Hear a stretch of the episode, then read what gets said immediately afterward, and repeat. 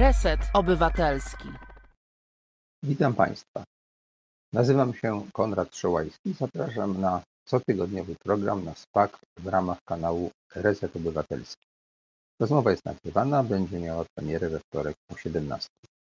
Nasz program realizuje dzisiaj Filip, a producentem jest Kuba Janowicz, za co oczywiście bardzo dziękujemy. Przypominam Państwu, że Reset Obywatelski to miejsce spotkań tych, którzy zadają pytania, chcą się czegoś dowiedzieć i przez swoje komentarze, telefony, wpisy e, mogą e, współtworzyć e, nasze programy.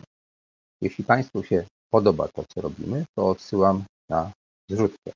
Ale w pierwszej kolejności może powiem, że odsyłam na zrzutkę na pomoc dla Ukrainy, Mogą Państwo łatwo znaleźć e, kilka sprawdzonych adresów. E, w formie graficznej przedstawiamy to za każdym razem na początku i to jest, myślę, mm, pierwsze. Druga sprawa to jak Państwo jeszcze będą mieli ochotę i macie środki, to bardzo proszę o to, żebyście nas też wspierali. E, nasz adres jest taki zrzutka.pl ukośnik z ukośnik reset obywatelski. I bardzo proszę o lajkowanie, przekazywanie informacji na temat tych naszych programów, które e, są na e, YouTubie, ale także w wielu innych miejscach. Mogą Państwo także odsłuchiwać potem, e, nie tylko oglądać, ale właśnie odsłuchiwać w formie podcastu. Dzisiaj w zasadzie powinniśmy rozmawiać o Ukrainie, ale to już wszyscy robią, a ja bym chciał też coś ciekawego mm, Państwu opowiedzieć, e, co może pośrednio także dotyczy Ukrainy, ale e, bardziej jednak skupimy się na Polsce i na dość niezwykłej osobie, niezwykłej książce, która za kilka tygodni e, w maju będzie już dostępna. Będzie to książka, którą wyda wydawnictwo Arbitro. Dlatego moim gościem jest dzisiaj autor tej publikacji. Jeszcze ona e, jest przygotowywana. Ja ją poznałem w takiej wersji, powiedzmy sobie, roboczej. Autor to Marek Zagrobelny, rocznik 1989, stosunkowo młody człowiek. Był przez wiele lat zaangażowanym politykiem PiS, co może Państwa zaskoczyć. E, od czasu studiów z przekonaniem pracował dla Jarosława Kaczyńskiego. Poznał kulisy działania Prawa i Sprawiedliwości i rozczarowany wyemigrował do Norwegii. Witam Cię, Marku. Dzień dobry, witam serdecznie. Rocznik 1980. Y, a ja oczywiście pomyliłem, jak zwykle ja. Rocznik 1980, czy jesteś odrobinkę starszy niż pierwotnie myślałem? Dobrze. E, ale wyglądasz tak młodo, że moja pomyłka jest jakoś usprawiedliwiona. E, ja myślę, że tak. E, do polityki przejdziemy za chwilę, a najpierw może spróbujemy tak przybliżyć troszeczkę do pięknego, spokojnego, niezwykłego kraju, jakim jest Norwegia. I Marek przygotował ze swoich zdjęć taką autorską prezentację w formie takiego małego klipu wideo.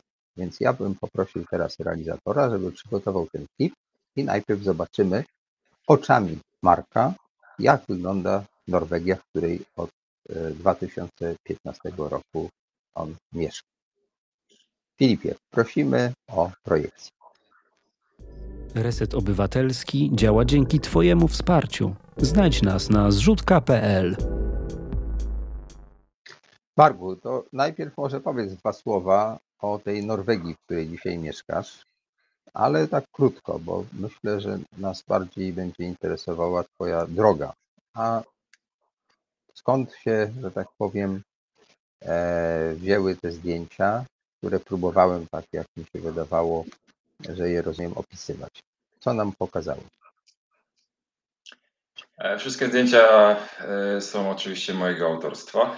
To są zdjęcia z przełomu tych ostatnich prawie siedmiu lat e, w Norwegii. E, no praktycznie w zasadzie z całej południowej Norwegii, tak aż pod można powiedzieć, Trondheim, gdzie, gdzie również wybierałem się w, przez jakiś czas. Czyli tak można powiedzieć od, od, od Oslo w, w promieniu 300-400 kilometrów w każdym kierunku. Oslo jest mniej więcej na szerokości geograficznej tej samej co Sztokholm szwedzki. A więc no jest to taki specyficzny klimat, jak też widać na, na zdjęciach. E, chociaż w Oslo e, jakby e, śniegu jest troszeczkę mniej niż gdzieś tam w górach albo chociażby 100 kilometrów na północ od tego miasta. Natomiast no jest tutaj tak zima przez co najmniej pół roku, nawet 7 miesięcy. I te zdjęcia również są z tego okresu, ale również lato jest bardzo ciekawe. Również widać to na tych zdjęciach. Są tak zwane e, specyficzne skały, które się nazywają Swaberg, e, na których można się wylegiwać, na których wylegują się również foki e, na pięknych norweskich wyspach. I tu jest takie właśnie, właśnie klimat i na tej szerokości geograficznej oraz geologia taka specyficzna, która, która no naprawdę stwarza różne możliwości również dla fotografów e, e, i do, do wypoczynku również. Tak? To jest taki kraj, w którym e, można odnaleźć taką duszę drugą w, dla osób, które no, tak naprawdę gdzieś poszukują jakichś możliwości wypoczywania, to w tym kraju jak najbardziej wszystko to jest e, możliwie dostępne. Jest to no, kraj nieco inny niż, niż Polska, e, również troszeczkę e, ostrzejszy pod względem klimatycznym, ale odnaleźć tak, to, tak naprawdę tutaj można wszystko. Ja mieszkam w Oslo akurat i tutaj mamy dosłownie wszystko. Jest fjord, dwa kilometry za mną, E, w którym tak naprawdę jest e, częścią Morza Północnego, który się wcina w 110 km e, w głąb Półwyspu Skandynawskiego. Są góry w, w linii prostej do Holmenkollen, na przykład naj, takiej najpopularniejszej góry w Oslo mamy 10 km. Są lasy, jest przyroda, bardzo piękny kraj. No tak, ale nam powiesz później, dlaczego tam się znalazłeś, bo rozumiem, że nie tylko dla piękna przyrody, ale z innych powodów, ale do nich dojdziemy, bo chciałbym, żebyśmy teraz porozmawiali o Twojej drodze. E, drogę opisałeś, tak jak już wspomniałem wcześniej, e, w książce. Książce, którą będziemy mogli e, przeczytać. No ja już ją znam, ale wszyscy będą mogli ją przeczytać gdzieś tam późniejszą wiosnę. Książka jest o tyle niezwykła, że to jest biografia taka w pewnym sensie intymna, ale intymna w sensie przeżyć psychicznych i pewnych wyborów życiowych, światopoglądowych, politycznych, wyborów, które dokonał młody człowiek, początkowo całkowicie zafascynowany i całkowicie oddany partii politycznej, której służył przez wiele lat. E, wychodzi mi, że przez mniej więcej 12. Od 2003 roku do 2015. Chociaż już pod koniec pewnie tak mniej chętnie. I teraz może zacznę od cytatu, który znalazłem w Twojej książce. E, w rozdziale mm, Nauczyć się nienawidzić. Wiosna 2003. Jestem w siódmym niebie, nie ma co ukrywać. Specyficzny rodzaj euforii zaczyna przenikać mnie coraz głębiej. Gdy idę z powrotem korytarzami wydziału, duma rozpiera mnie tak mocno, że czuję, iż już nie mieści się w moim ciele. Dopiąłem swego, nie ma co. Wreszcie dotarło do mnie, gdzie jest moje miejsce. To polityka. W końcu to zrozumiałem. Gdyby tylko istniał jakikolwiek sposób, aby wszystkich moich znajomych i całą rodzinę poinformować w jednej chwili o tym, czego dokonałem i z kim przed chwilą rozmawiałem, zrobiłbym to w ułamku sekundy. Niewątpliwie to jeden z najważniejszych momentów w moim życiu. Za kilka lat będę jednym z tych, którzy wreszcie wymiotą z polityki nieodpowiednich ludzi. Wyeliminujemy komunistów, Żydów i wszystkich im podobnych po to, by Polska stała się w końcu normalnym krajem. To oni są przecież winni całemu złu, które wkradło się do powstającej polskiej demokracji.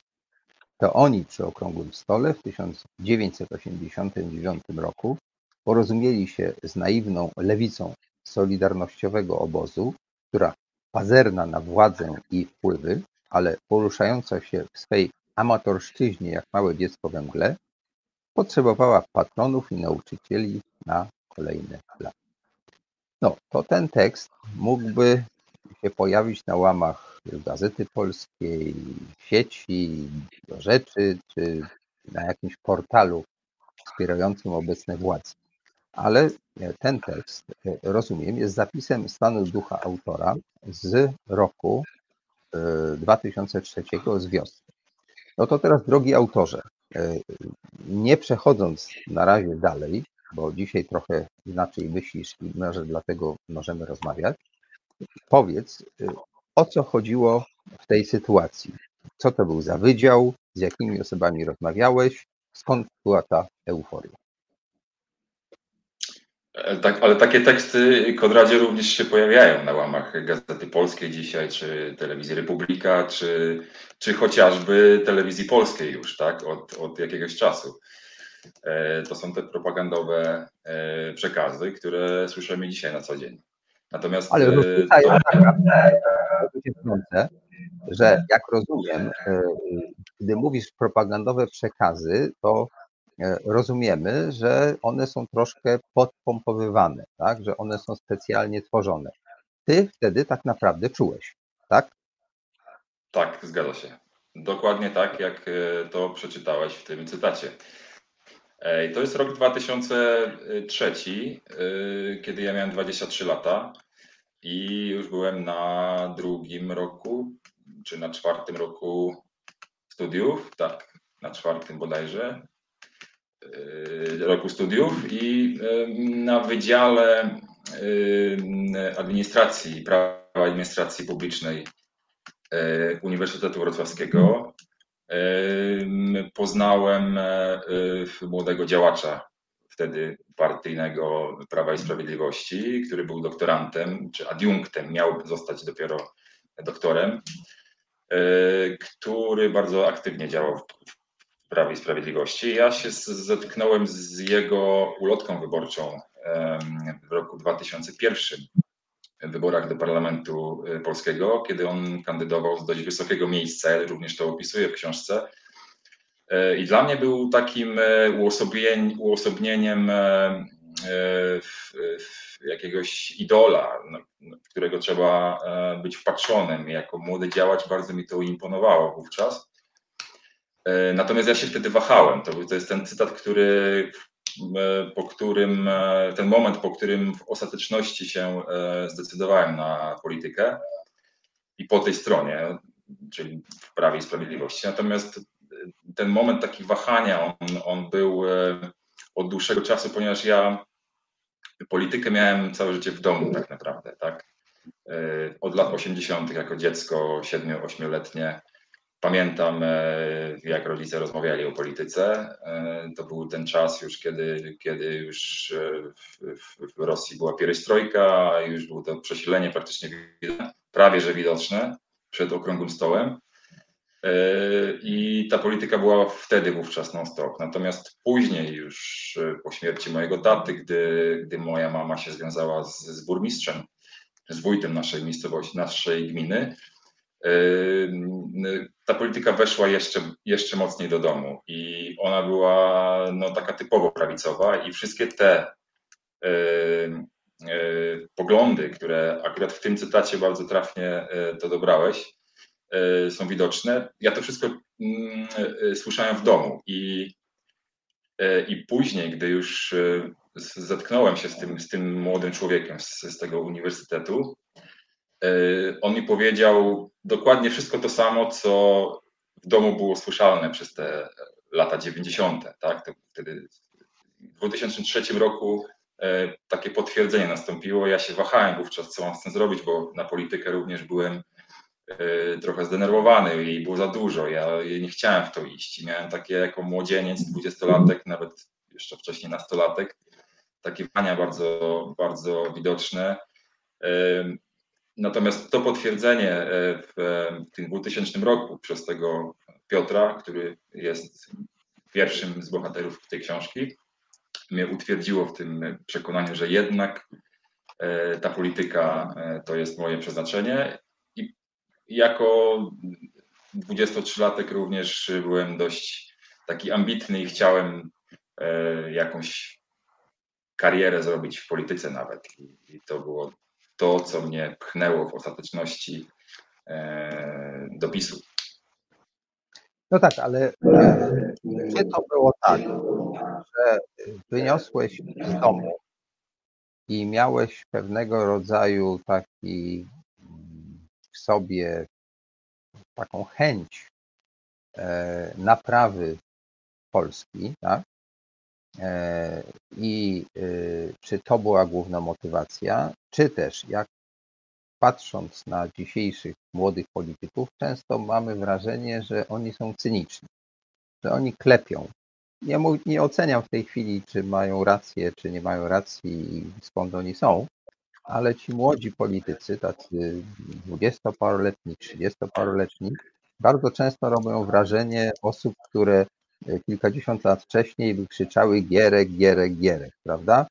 E, I to właściwie wszystko jedno, bo można się załapać. Czy dla ciebie wtedy ważniejsze było to, że można naprawić Polskę, czy też e, przed chwilą to usłyszałem z Twoich ust, e, pójść drogą politycznej kariery? Obydwie rzeczy były na tym samym, można powiedzieć, poziomie. Ja w, przez te lata 90 tak jak powiedziałem, słyszałem wszystkie te teorie, e, ale też doświadczałem pewnych e, takich e, rzeczy, które w uznaniu takiego młodego człowieka, nastolatka, nie były do końca dobre, tak?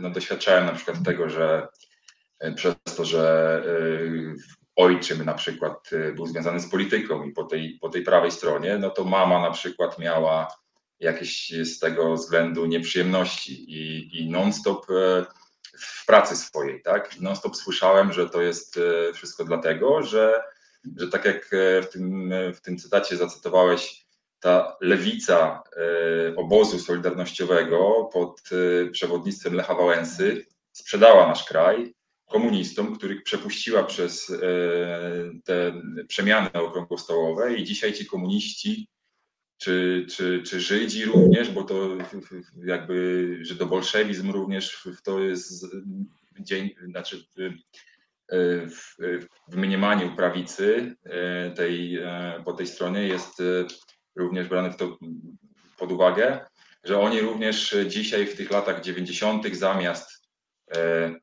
być odcięci tą grubą e, e, linią, jak powiedział Mazowiecki, tak, e, podczas swojego expose, to dzisiaj przez to, że to była tylko gruba kreska, bo to jest to taka, takie, takie symboliczne w, tym, w, tym, w tej interpretacji, postawiona została tylko mała, cienka kreska i oni wokół przeszli do demokracji. Wokół tej kreski zamiast być gruba linia, to, to, to, to wiadomo co chodzi, tak? E, I dzisiaj w latach 90., kiedy Polska się rozwija, oni zabierają miejsca pracy tym uczciwym, prawicowym Polakom. Ja to wszystko słyszałem w domu i, i jako nastolatek, czy później dwudziestolatek, yy, wszystko to analizowałem. To była ta jedna strona. Natomiast yy, w tym momencie, gdy, gdy się spotkałem z tym młodym e, działaczem na uniwersytecie, który bardzo mi zaimponował, ja no, połączyłem jakby dwie rzeczy, tak? Zauważyłem, że też są dla mnie możliwości jakieś, e, jakiegoś rozwoju, czy osobistego, czy jakiejś kariery.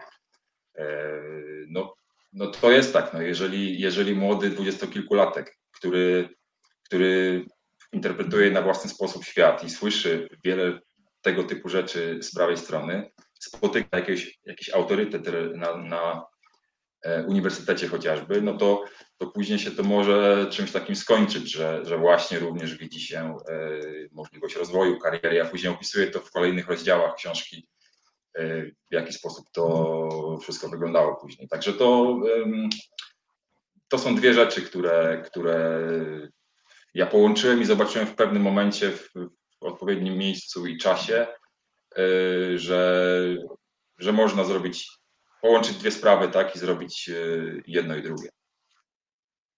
No tak, czyli rozumiemy, że środowisko, z którego ty się wywodziłeś, e, dom rodzinny, otoczenie, popychało cię w kierunku takiego, nazwijmy to, konserwatywnego myślenia. Z tym, że dla mnie konserwatyzm nie jest niczym złym.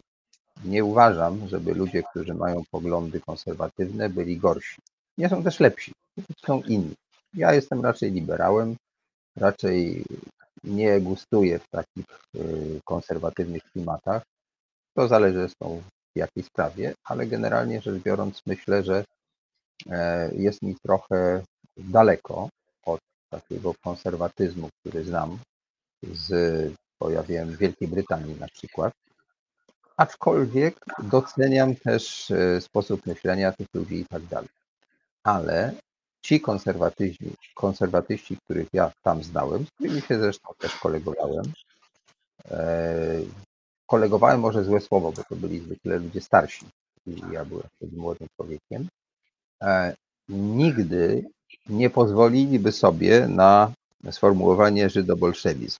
Nigdy by nie padły słowa, które można nazwać wprost antysemityzmem. Może ja przeczytam znowu kawałek, bo widzę, że te cytaty z Twojej książki, które wybieram, Ci się podobają. Moje wybory nie są złe. E, to jest spotkanie, nam potem powiesz, co to za spotkanie. E, wygłosił prelegent tezy, które wywołały głośną dyskusję. Słuchajcie, koledzy, o czym my tak naprawdę dyskutujemy? Konkurent naszej partii to partia Żydów i pederastów. Trzeba gonić tę hołotę jak najdalej, jak najszybciej. Drugi mówi, dlaczego tak mówisz? Po co przekreślać już na starcie ludzi, którzy mogą przydać się Jarosławowi Kaczyńskiemu, chociażby do tego, aby stworzyć rząd? Mówi delegat z Gdańska. A skąd ty wiesz, kolego, czy Kaczyński w ogóle będzie tworzył rząd? A może te pedały wygrają wybory i go przelecą szybciej niż mu się wydaje. I co wtedy? Myśleliście o tym? Nie będzie żadnej współpracy i porozumienia. Nie dajmy się zwariować. Masz rację, chłopie, dobiega jakiś głos z końca pokoju. Jebać pedałów z Platformy Obywatelskiej, ich miejsce jest na cmentarzu. Tak jest, jebać pedałów i Żydów. No i tak dalej, i tak dalej. E, nie pamiętam, żeby ktokolwiek z moich konserwatywnych znajomych kiedykolwiek powiedział co, coś złego na temat e, ludzi o odmiennej orientacji seksualnej bądź na temat Żydów. Znaczy byłby wykluczony. No i mam pytanie, co to za spotkanie, co to za język, co to za ludzie tak tym językiem mówią, bo dla mnie to jest niepojęte zupełnie. No, to jest, to jest ciekawe. To bardzo mocne e, e, cytaty wybierasz. E, tak rzeczywiście było. To, jest, to, są, e, to są cytaty młodych dwudziestokilkulatków, którzy uczestniczą e, na przestrzeni kilku lat w różnych krajowych zjazdach. Młodych konserwatystów. To, to jest warte podkreślenia. Młodzi konserwatyści Wówczas byli, e, to był okres 2003, 2004, 2005, czyli przed e, wygranymi przez PiS pierwszymi wyborami w 2005 roku. Byli wtedy młodzieżówką, która była gdzieś tak po środku. To byli ludzie, którzy jeszcze nie mogli się do końca zdecydować. Byli, były osoby, które, e, które były członkami Platformy Obywatelskiej już wtedy. Platforma, jak wiemy, powstała w tym samym czasie co Prawo i Sprawiedliwość były to osoby, którzy byli gdzieś tam e, e, współpracowali z, z młodymi demokratami na przykład, było takie stowarzyszenie. E, byli to republikanie powstającej gdzieś tam też powstającego stowarzyszenia partii czy stowarzyszenia republikańskiego, tak chyba to można określić. ale byli też członkowie PiSu, byli też to członkowie w pewnym stopniu Ligi Polskich Rodzin ówczesnej, tak, związani z na przykład z, z dzisiejszymi posłami, którzy i działaczami, którzy są w, w Konfederacji chociażby, tak. To był taki zlepek różnych ludzi o bardzo Roman radykalnej... Kierował Ligą Polskich tak, przy okazji. Tak, wówczas tak. Wówczas Roman Giertych, tak. I, no, do dzisiaj zresztą no, to są te, też te osoby. Dzisiaj to są czterdziestokilkulatkowie, tak jak ja. E, to było takie radykalne środowisko o skrajnych poglądach po tej prawej, e, konserwatywnej wówczas stronie. Tak? Natomiast podkreślenia należy, podkreślić należy to, że wówczas Prawo i Sprawiedliwość nie było tak mocno jeszcze zradykalizowane, jak, jak chociażby dzisiaj po roku 2015. Wówczas to były tylko e, poglądy, które ci młodzi, chociaż również to są poglądy radykalne, antysemickie, homofobiczne, tak, rasistowskie, ale one funkcjonowały gdzieś tam tylko w, w młodzieżówkach partyjnych e, i były bardzo widoczne, e, z czym ja się spotykałem na takich krajowych zjazdach tych młodzieżówek, które gdzieś tam były organizacjami satelickimi przy partiach politycznych. Wówczas funkcjonowało jeszcze od roku 2002 bodajże porozumienie Platformy z PiSem, tak zwany POPIS, który później miał przejąć władzę w 2005 roku, ale to nie doszło do skutki, skutku i to jest ten cytat ta rozmowa, którą zacytowałeś, e, właśnie analizująca tą możliwość przyszłej współpracy Platformy i, i, i PiSu. Więc e, e, to, że ten jeden działacz bardzo mocno zradykalizowany tak mówi, to on mówi to o członkach Platformy, tak? Gdzie, z którymi nie widział w ogóle możliwości współpracy. No ale to, to, tak, tak, tak to wyglądało. To są, to są dwudziestokilkulatkowie wtedy, którzy dzisiaj e, niekiedy również są i posłami i ministrami. Tak? W dzisiejszym rządzie no tak. jeden z, w dzisiejszym rządzie chociażby jeden z ministrów, Łukasz Schreiber, e, również jeździł na te, na, na te wtedy spotkania, jak wtedy również poznałem, tak, tak że, on ma czterdzieści kilka lat, wtedy miał dwadzieścia kilka. Y, ja rozumiem, że mogą zmieniać poglądy e, i najlepszym dowodem jesteś ty i twoja droga. E, niemniej w dalszym ciągu trudno mi jest pojąć, jak w tamtym czasie młodzi aspirujący politycy, no bo to byli ludzie, którzy chcieli iść tą drogą, mogli spokojnie słuchać tego rodzaju wypowiedzi, które w zasadzie mogłyby się znaleźć w propagandzie y, III Rzeszy. Spokojnie, panowie, mówi Piotr Sobala. Ja bym się brzydził ich jebać.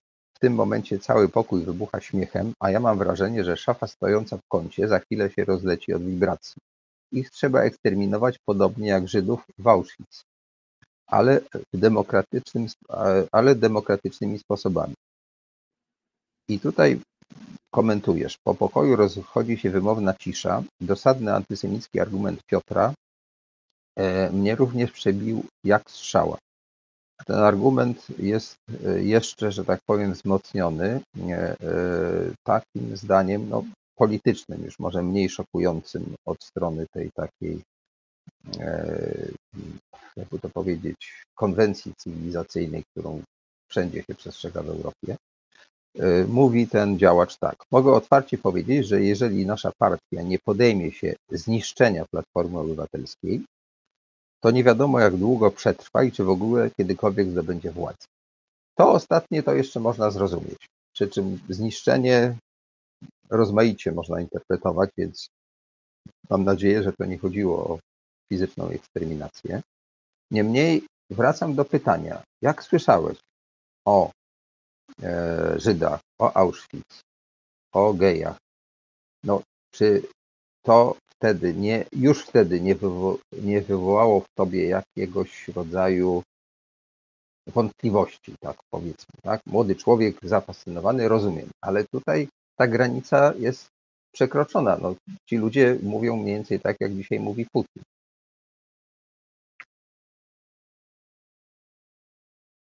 Włącz mikrofon, bo jest wyłączony. Tak, teraz widzę właśnie, że yy, tak to się zgadza. To jest granica niewątpliwie przekroczona. Natomiast yy, ja wtedy to wszystko akceptowałem, tak? To jest yy, to, że również po tej drugiej stronie, o której wcześniej powiedziałem, chęci zrobienia kariery w polityce, którą to drogę widziałem i mocno nakreśloną, tak? I będąc obok takich osób, które gdzieś tam mnie zabierają na różnego rodzaju tego typu e, zjazdy krajowe, dyżówki, która jest bezpośrednio e, zaangażowana przy, przy partii, która za chwilę będzie rządzić, tak? Gdzie to spotkanie mieliśmy w, w Sejmie Polskim, tak? Gdzieś tam tylko w jakimś hotelu nocowaliśmy, natomiast obrady były później, również dwa lata później, E, również w Sejmie, w sali jakiejś tam, gdzie dzisiaj się pewnie komisje odbywają, albo się wcześniej również odbywały. E, przy późniejszym marszałku Sejmu e, i jego asystencie, który został później młodych konserwatystów prezesem. Mówię o tym asystencie marszałka Sejmu, ówczesnego Marka Jurka. Y, no to młody człowiek, który ma lat 23, 24 i, i wywodzi się jeszcze z, z małej miejscowości, gdzie jeszcze dodatkowo słyszał o, tych, o tym wszystkim e, w domu, tak, że to trzeba należy zrobić, żeby to Polskę naprawić, oczyścić, tak, no to nie wywołuje to jakiś, e, u takiego człowieka e, jakiegoś kroku w tył, czy, czy, czy nie zmusza do jakiejś refleksji. Po prostu pomimo tego, że ja widziałem, no to tak było, no, no dlatego, dlatego e, to wszystko opisuję w tej książce, tą moją drogę, tak. E, nie wywołuje to żadnej, nie wywołało to wtedy żadnej refleksji i, e, i mimo wszystko brnąłem do przodu, tak. I myślę, że za chwilę również dojdziemy do kolejnych kwestii, które jeszcze bardziej później mnie zaradykalizowały, tak? a później spowodowały, że, że zszedłem z tej drogi. No dobrze, to tak. No dobrze, to y, tak. Rozumiem, że w tej atmosferze, w tym klimacie jakiegoś takiego zauroczenia e, ci ludzie, y, tak jak ty, y, niekoniecznie byli cynikami, tylko naprawdę im się wydawało, że te antysemickie, homofobiczne argumenty stanowią no coś, czego można używać, tak? To w debacie publicznej e, wtedy chyba nie padało, nie pamiętam, że, że, że, żebym ja takie teksty publicznie słyszał. Co więcej, pamiętam wypowiedzi i zachowanie Lecha Kaczyńskiego e, i Jana Pawła II, e, którzy na przykład mówili o i robili gesty w stosunku do e, mieszkańców Izraela, prawda? E, I pamiętam, że Jan Paweł II, że tak powiem, otworzył e, dialog tak, z mm, ludźmi innych religii, tak, łącznie z religią żydowską. A Lech Kaczyński, jest jego zdjęcie w Jarmułce na przykład. No to czy to y, dla tych osób, tych młodych ludzi nie, nie, było jakoś sprzeczne? Bo ja rozumiem, że mogli nie, nie lubić przeciwników politycznych. Mogli jakoś im przypisywać różne e, dziwne czy, czy okropne, mm, spiskowe jakieś chęci, tak? Ale skoro przywódcy tego, tak, tacy ideowi, tak jak papież, czy tak jak y, Lech Kaczyński, wskazywali inną drogę, tak? No to czy to nie dawało wam do myślenia? Y, niektórym tak, a niektórym nie. Y, dlatego, że to nie jest tak, że 100% wszystkich polityków i działaczy mają takie poglądy jak ci czołowi politycy. Środowisko, pomimo tego, że jest na skrajnej prawicy i idzie w jednym wspólnym kierunku, to ono jest również wewnętrznie podzielone. E, wielu takich e, do dzisiaj zradykalizowanych działaczy, chociaż tego nie pokazują oficjalnie, chociaż e, dzisiaj są radnymi na przykład wojewódzkimi, powiatowymi, a również i posłami na przykład, nie pokazuje swoich prawdziwych poglądów. Na skrajnej prawicy, z, z czym ja się spotykałem, to w tym cytacie jednym widać, jest takie na przykład taki pogląd, który dzięki któremu uważają oni, iż to, że Żydzi w Auschwitz zostali eksterminowani i tylu Żydów, tylu, tyle milionów Żydów polskich e, zostało zagazowanych, to przez to mamy silną Polskę, tak? E, I ten cytat to oddaje. Ja się spotykałem z tym bardzo e, często. Więc to jest antysemicki, oczywiście, że tak, dyskryminacyjny pogląd, ale trzeba sobie z tego zdać sprawę, że nie wszyscy takie poglądy mają, ale też i są, jest dużo osób, które je mają.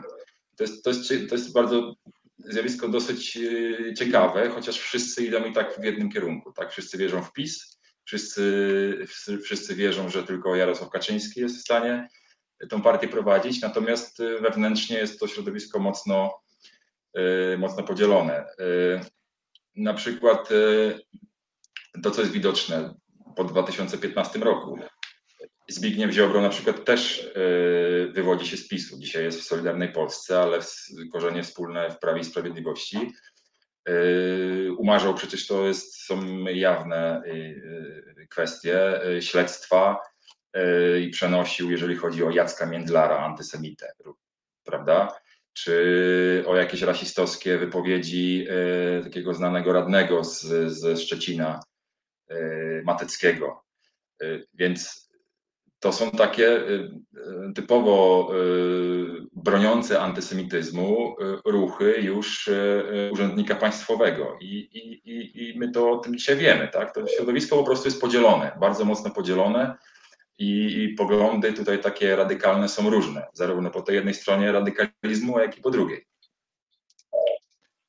No tak, znaczy ja po prostu uważam, i sądzę, że to nie jest pogląd odosobniony, e, że są pewne tezy, pewne mm, tropy, które muszą być wyeliminowane z debaty publicznej. Po prostu y, to się nie mieści w takiej europejskiej kulturze, e, do jakiej aspirujemy w Unii Europejskiej i tak dalej. I tak jak ja jestem bardzo otwarty i bardzo lubię rozmawiać z osobami, które mają inne poglądy, to tutaj wydaje mi się, że leży granica. I tę granicę e, dyskutanci, których teksty cytowałem, przekraczają. I to e, jakby stawia e, te osoby i ich, nie wiem, ugrupowanie no, w jakimś sensie poza nawiasem cywilizacji po prostu. Tu trzeba jasno to powiedzieć, bo to y, gdyby ktoś to głośno powiedział w którymś z krajów takich, no, jak Niemcy na przykład dzisiaj, to, to, to nie może być politykiem, po prostu. Wy, wyłącza się, że tak powiem, z możliwości e, funkcjonowania publicznego. Więc Twoje świadectwo, y, rozumiem, że to cytując, ja cytuję za Tobą, a Ty opisujesz fakty, jest naprawdę szokujące, bo my wiemy, że są ludzie, którzy mają takie przekonania, ale e, to e, wydawało się, że to jest jak, jakiś margines, tak? a z tego, co ty mówisz, to można wnioskować, że to nie jest aż taki margines. Ale powiedziałeś także, że możemy przejść do rzeczy bardziej radykalnych, bardziej szokujących. Ja mam spis rozdziałów Twojej książki i tutaj y, ten rozdział pierwszy, e, przynajmniej w tej redakcji roboczej, którą mam, nosi tytuł Nauczyć się nienawidzić. E, I rozumiem, że to właśnie był przykład tego. Rozdział drugi to jest następstwo szkoły dyskryminacji. To jak mógłbyś tak trochę to rozwinąć? O czym tam opowiadasz? Otwórz mikrofon.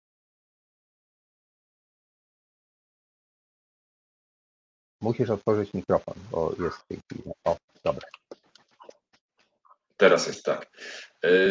Książka w ogóle jest podzielona na części, które, w, w, których, w których to częściach są zawsze dwa rozdziały. Tak? Pierwszy rozdział to jest to wszystko, co się działo w partii, kiedy byłem jej członkiem. Natomiast drugi rozdział to jest zawsze wszystko to, co E, się dzieje już po roku 2015, kiedy ja wyjechałem do Norwegii. I ona jest napisana w takiej konwencji, żeby od razu móc porównywać e, e, to, jakby co kiedyś się działo w partii, jak ona się radykalizowała na przestrzeni lat, co dzisiaj jest konsekwencją tego, co się dzieje w Polsce po roku 2015. Ja później również do tych drugich rozdziałów, tych parzystych, wplatam również moje y, różne kwestie z Norwegii i wskazuję pewne, pewne y, y, jakby minusy norweskiej demokracji, która jest demokracją bardzo silną, jedną z najsilniejszych na świecie, ale już no, ten okres tych prawie siedmiu lat, gdzie tutaj jestem, mógł może, może mi dawać pewny pogląd na, na to, jak ta demokracja funkcjonuje. E, I ten właśnie drugi rozdział, Następstwo Szkoły Dyskryminacji, to jest, e, e, pokazuje wszystko to, co, co jest dzisiaj konsekwencją tego, co, co się dzieje w obecnej Polsce, a co wynika z tych wszystkich lat od 2001 roku co najmniej, kiedy PiS powstał i, i, i, jak to wygląda. Widać taki kontrast między, między tym, jak, jak kiedyś było i co ci młodzi działacze mówili, dwudziestokilkuletni i czego dzisiaj jest konsekwencją to, co mamy w dzisiejszej Polsce. Tak? Przykładów jest bardzo dużo. To byś musiał, e, Konradzie, chyba podać jakiś, jeżeli chcesz, to wtedy. E, zresztą no to, to jest też oficjalnie wszystko, wszystko w mediach, to media również e, liberalne to opisują, tak? Wszelkiego rodzaju kwestie dotyczące homofobii, stref wolnych od LGBT, czy, czy rasizmu, czy antysemityzmu. Rozumiem. Y, wydaje mi się, e, tak jak patrzę na to, co e, się dzieje po 2015 roku, co obserwuję i opisywałem przynajmniej w dwóch, właściwie trzech filmach, to y, szczerze mówiąc, y, ledwie zostałem, znalazłem jeden przykład i to taki dosyć delikatny tych antysemickich przekonań. Generalnie te e, mechanizmy, które zostały uruchomione, mm, raczej szły w kierunku, mm, jakby to powiedzieć, przejęcia instytucji władzy, w kierunku przekształcenia całego aparatu państwa w aparat podległy partii.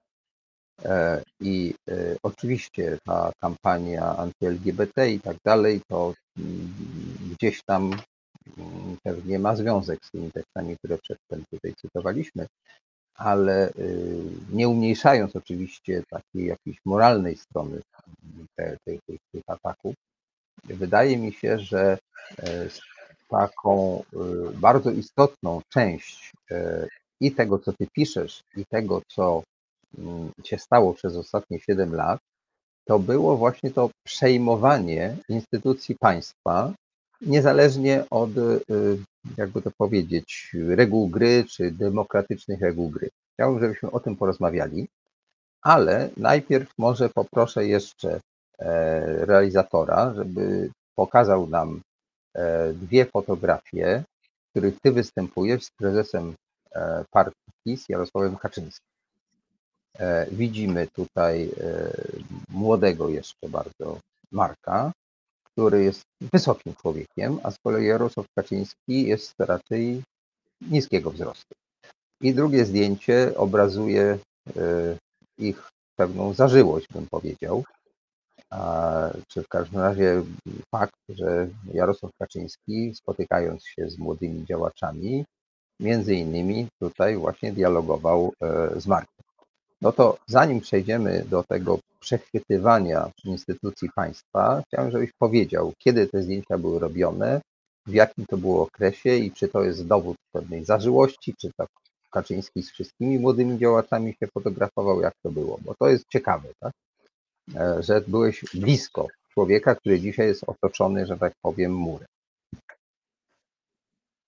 Tak, tak. To, to jest zdjęcie sprzed 9 lat, yy, czyli z roku 2013, kiedy ja już yy, praktycznie byłem w połowie, yy, w połowie jedną drogą poza PiS, można tak powiedzieć, chociaż tak naprawdę jeszcze w PiS, bo, bo moje takie zwątpienie bardzo konkretne już nastąpiło ostatecznie w 2012, ale no jeszcze pewne rzeczy się działy nawet i do roku 2014 i 2015, kiedy zrezygnowałem, ponieważ ja wówczas byłem e, radnym Rady Powiatu. To jest zdjęcie z, z organizacji e, jednego z e, spotkań, które się odbyło z, z, z Kaczyńskim w naszej miejscowości. E, jako współorganizator i, i, jedna z głównych osób, która go miała okazję zaprosić, no to jakby chyba nie miał wyjścia już i się e, z nami spotkał. Natomiast o, o zażyłości jakiejś to zdjęcie nie świadczy, bo to nigdy tak, takiego czegoś nie było, chociaż, chociaż e, miałem okazję go spotkać nie tylko ten jeden raz, bo, bo również chyba jeszcze za trzy albo cztery razy w innych miejscach w Polsce, również podczas takich, takich rozmów. Yy, ale tak jak mówisz, on się spotyka z dużą ilością ludzi. Mi się wydaje, że w większości nie pamięta nawet i, i, i mnie również dzisiaj nie będzie pamiętał. Yy, natomiast takie spotkanie było. To było w, trzeciej mojej, w trzecim moim roku, yy, kiedy byłem radnym Rady Powiatu. Później jeszcze w 2000, już byłem praktycznie w połowie drogi poza PiS, ale później jeszcze w 2014 roku Rok później kandydowałem kolejny raz w wyborach. Yy, też jakby tak tylko instrumentalnie, można powiedzieć, yy, administracyjnie w tych wyborach uczestniczyłem, bo już umysłem byłem totalnie gdzie indziej. Yy, I wybory wygrałem jeszcze w 2014 roku po raz drugi zostałem radnym i pół roku później, czy cztery miesiące później już zrezygnowałem. W następnych miesiącach już byłem Norwegii. No tak, czyli ta zażyłość to jest zbyt daleko idący termin. Rozumiem, że Jarosław Kaczyński, przynajmniej w tamtym czasie, z tego co słyszałem i pytałem, bardzo dużo podróżował po Polsce, często odwiedzał nawet stosunkowo małe miejscowości i był człowiekiem, który starał się pozyskać i rozumiem, że mm, pozyskał sporą ilość takich osób, które go wspierały. Ale czy jak pamiętasz y, tam. Lokalnych, lokalnych również działa, działaczy. Tak, jednym z nich dzisiaj jest y, Daniel Obajtek, tak, to fakt. A no właśnie. Czy, jak pamiętasz, bo to jest interesujące, uchodzi Kaczyński za takiego charyzmatycznego przywódcę, tak, który i w sensie takim czysto formalnym, organizacyjnym sobie zapewnił przywództwo, tak? bo w statucie PiSu jest tak, że właściwie nie, nie, nie można w tej sprawie niczego zmienić, ale także jest tym człowiekiem, no może dzisiaj w trochę mniejszym stopniu przy tych wszystkich kłótniach tej tak zwanej Zjednoczonej Prawicy, ale jest człowiekiem, który Y, no, uchodził właśnie za takiego, mm, jakby to powiedzieć, no miłego kompana. Moi znajomi z PiSu, z którymi rozmawiałem i którzy mi e, w tej sprawie opowiadali właśnie, że to w ogóle czarujący człowiek i tak dalej, że to jest wysoka kultura, że przy ognisku z nimi kiełbasy jadł i tak dalej. E, mnie to nie spotkało, bo akurat jak miałem mm, możliwość bycia, e, robiąc zdjęcia do filmu Dobra Zmiana na zjeździe klubów Gazety Polskiej w Spale, to Kaczyński akurat nie przyjechał, tak? E, był Duda, był Maciarewicz, tam Morawiecki, no właściwie cała ta wierchuszka. Natomiast Kaczyński, nie wiem, czy wtedy się źle czuł, czy, czy, czy co, co było powodem, nie dotarł. Więc ja nie miałem jakby możliwości zobaczenia z bliska. I tutaj chciałem jeszcze właśnie dopytać, e, jakie ty wrażenie odnosiłeś? To wycofuję się z tej zażyłości, ale czy to rzeczywiście był taki miły pan, tak? Czy, czy, czy też w zasadzie on tak jeździł po to, że, że no, żeby było, tak? czy też mieliście takie poczucie, że on was słucha i właściwie jakaś taka cieplejsza, bardziej ludzka relacja się tam tworzy? To jak to było? Tak, do, dokładnie było tak. Y, to jest y, człowiek, który naprawdę w takim bezpośrednim odbiorze, jeżeli rozmawia w prywatnej takiej rozmowie chociażby, jest odbierany naprawdę miło, ciepło. Taki starszy, niski pan, który, który y, potrafi rozmawiać z ludźmi i stworzenie takiego przyjaznego, tak? Ja na przykład to, co kilkakrotnie, bo to nie tylko podczas tego spotkania zauważyłem, to, to jest e, e, człowiek, który bardzo, bardzo e, potrafi słuchać, tak? On naprawdę stwarza wrażenie, że on słucha człowieka. I, I taki, ten jego wzrok jest taki mocno przenikliwy, że ma się wrażenie, że on po prostu aż przeszywa, tak? I, i tak słucha, że aż, aż onieśmiela. No, tak, tak bym mógł powiedzieć. No, zresztą to tak, tak również mówiła jedna z młodzieżowych działaczek chyba ileś tam lat temu. Nie wiem, czy nawet nie w 2015 roku w kampanii wyborczej, yy, że właśnie Jarosław Kaczyński to jest taki ciepły, miły, starszy pan, tak? I, i naprawdę stwarza takie wrażenie.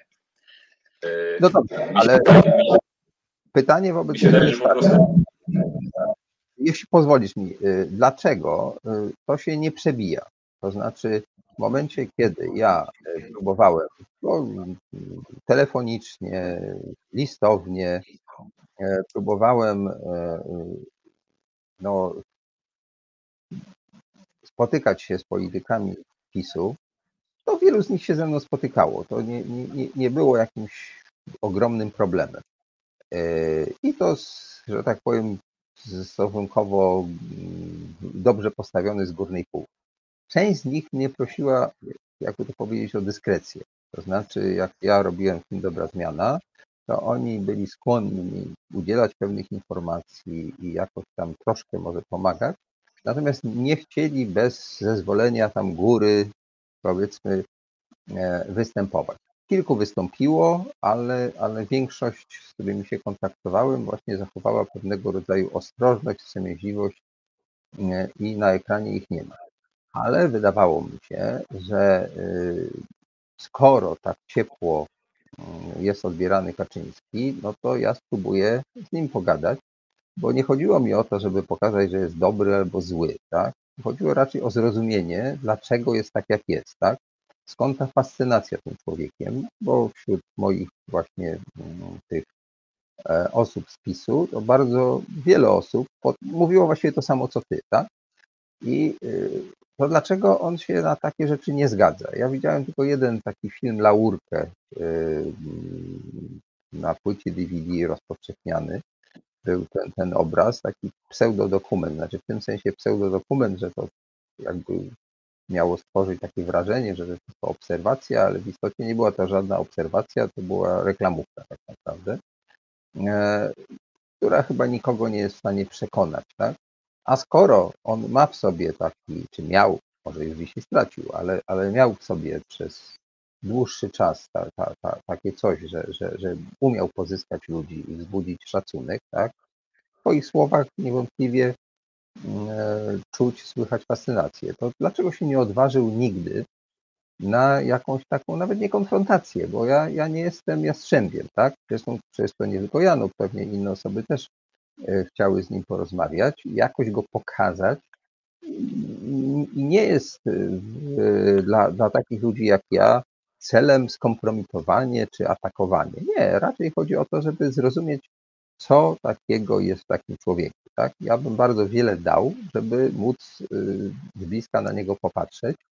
Oczywiście się nie zgadzam z bardzo wieloma rzeczami, które robi, natomiast nie zgadzając się z poglądami moich znajomych, mogłem z nimi normalnie rozmawiać, z niektórymi się no, w jakimś sensie nawet może i przyjaźnić, prawda? No to czy jesteś w stanie wytłumaczyć, co, co spowodowało, że ten Kaczyński odgrodził się tym murem, tymi setkami policjantów i tak dalej, kiedy e, i, i dlaczego jakby w zasadzie nigdy nie dopuścił nikogo, no tak jak, nie wiem, jakiś Józef Stalin, tak?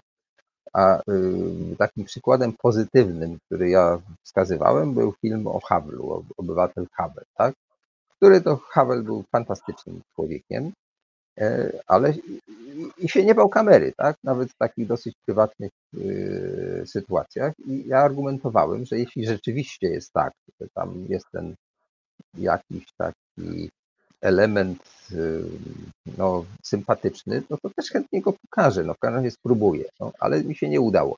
No to pytanie jest dlaczego i czy ty znając kulisy działania tej partii, tego ugrupowania, to rozumiesz, czy on się po prostu boi, czy o co chodzi?